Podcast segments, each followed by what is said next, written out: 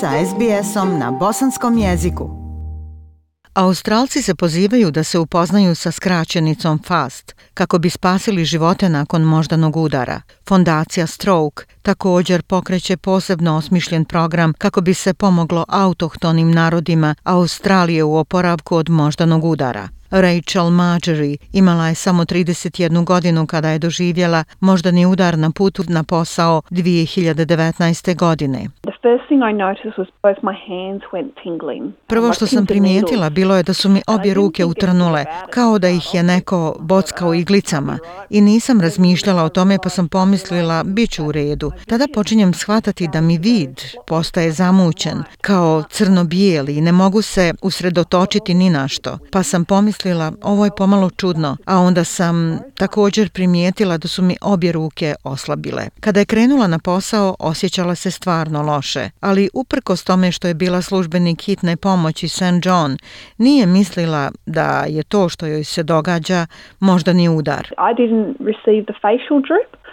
Pa, nisam osjetila da mi se lice promijenilo, ali postajala sam nesuvisla, nisam mogla sastaviti ni rečenicu. Govor mi je postao nerazumljiv, nisam se čak mogla skoncentrisati da otključam telefon kako bih obavijestila moje kolege s posla. I tada sam znala da nešto nije u redu, ali nisam shvatila koliko je to loše sve dok nisu stigli rezultati CTA. Doktor je ušao i potvrdio da sam zaista imala moždani udar. Elliot Williams je medicinski brat i klinički voditelj voditelj hitne pomoći St. John u Novom Južnom Velsu. Kaže da postoji vrlo jednostavan akronim koji vam može pomoći da procijenite da li neko ima moždani udar. Skraćenica glasi FAST. F je za lice, face.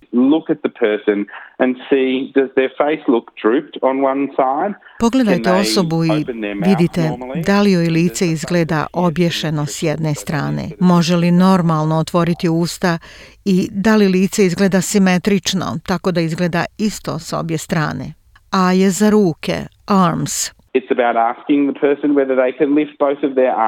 Radi se o tome da pitate osobu može li podići obje ruke prema gore, može li normalno pokretati obje ruke, a to se može proširiti i na noge, da li može podići i pomaknuti obje noge normalno. S je za govor, speech. Try and ask the person to talk to you Pokušajte zamoliti osobu da razgovara s vama i provjerite zvuči li govor nejasno. Često kad neko doživi moždani udar, njegov govor može zvučati posebno nerazumljivo ili mu može biti jako teško izgovarati riječi ili izraziti stvari na normalan način. Ti je za vrijeme time. The longer you leave someone without medical care for a stroke,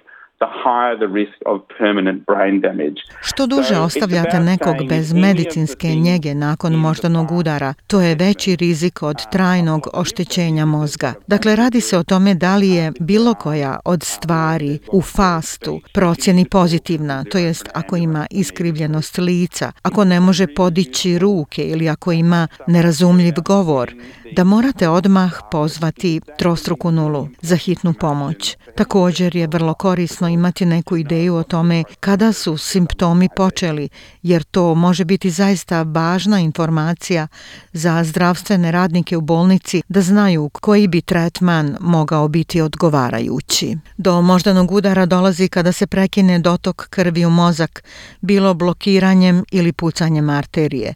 Moždani udar pogađa jednu od četiri osobe širom svijeta i ubija više žena u Australiji od raka dojke i više muškaraca od raka prostate. Jude Čerenkovski je nacionalni menedžer Stroke Connecta u fondaciji Stroke. Kaže da se moždani udar često smatra problemom koji pogađa starije osobe, ali se može pojaviti u bilo kojem trenutku. Kako starite, povećava um, se rizik od moždanog udara, ali osim toga moždani udar zapravo se može dogoditi bilo kome u bilo kojoj životnoj dobi. Dakle, vrlo mali broj djece godišnje ima moždani udar. Više su u pitanju ljudi u radnoj dobi ili starije osobe. Ona kaže da je visoki krvni pritisak najznačajniji faktor rizika. Dakle, ljudi moraju znati koji im je krvni pritisak i raditi sa svojim ljekarima kako bi ga kontrolisali. Osim toga, faktori rizika su uglavnom stvari o kojima svi znamo, pa se radi o činjenju stvari za koje znamo da su dobre za nas. Održavajte da se osjećate zaista dobro. Jedite dobro, održavajte zdravu težinu, ne pušite, vježbajte i razgovarajte sa svojim liječnikom o alkoholu, i riziku od moždanog udara. Iako nije imala ni jedan od faktora rizika uključenih u moždani udar, Rachel Margery smatra da je jedna od sretnica. Njene kolege su joj pružale veliku podršku, a osim povremenih problema s govorom, fizički je dobro. Iako je to bio emocionalni udar, iskustvo joj je pomoglo u poslu. It's interesting when you if you've taken someone who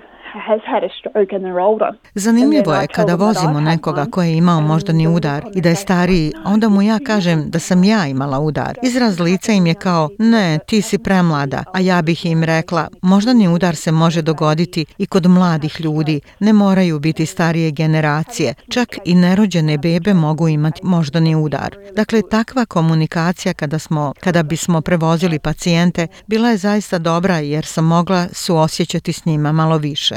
Justin Kickett, pripadnik naroda Nunga, nije imao toliko sreće. Primijetio sam dok sam pio vodu da mi voda teče niz bradu, a zatim sam povikao svoje ženi. Mislim da nešto nije u redu. Hodao sam smiješno i rekao sam joj možeš li doći pogledati me kako hodam, jer moje hodanje nije tako dobro. Njegova supruga je odmah prepoznala njegove simptome kao znakove moždanog udara i hitno ga odvezla u bolnicu, ali uprkos brzom odgovoru Justin je ostao s trajnim oštećenjima, izgubio je funkciju desne ruke i hoda uz malo teškoća. Pokušavam koristiti lijevu ruku da napišem takve stvari um, i morao sam izmijeniti taksi da bih mogao voziti. Ne mogu sam vezati pertle pa nađem nekog da mi pomogne.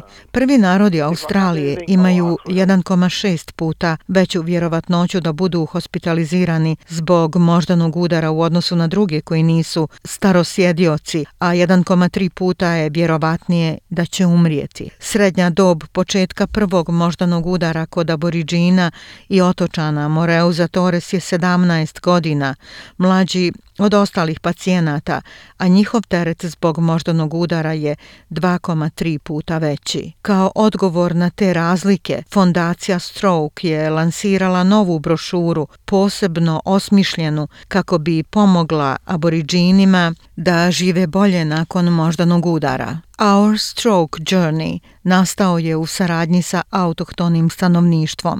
Jude Čerenkovski kaže da je raspolaganje kulturno relevantnim resursima od vitalnog značaja za širenje ključnih informacija o moždanom udaru.